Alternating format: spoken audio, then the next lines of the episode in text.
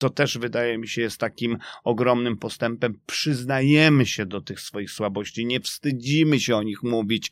Tak jak powiedziałeś na początku tej rozmowy, że to jest nawet w cenie, w sensie takim, że, że ludzie potrzebują takich autorytetów, że potrzebują ludzi, którzy publicznie się mówią, przyznają, bo to ich popycha do tego, że o kurde, no facet z telewizji tak ma, no to chyba ja nie jestem wariatem, nie? To, to, to on ma tak jak ja mam i że jest na to rozwiązanie, to ja mogę sobie pomóc. Tak, Zresztą- zwłaszcza w świecie, w którym wszystko się idealizuje i pokazuje się tylko te jasne, jasne strony Dok- życia. Dokładnie i gdzie w ogóle wiesz, kiedy mówi się o słabościach i nie tylko o słabościach, ale też o wartościach, że w pewnym momencie tak jakby się zatarły wartości, zalała nas taka amerykańska fala, czyli mówię przysłowiowe złote zęby, e, kurcze, e, łańcuchy i to nie łańcuchy z lat 90.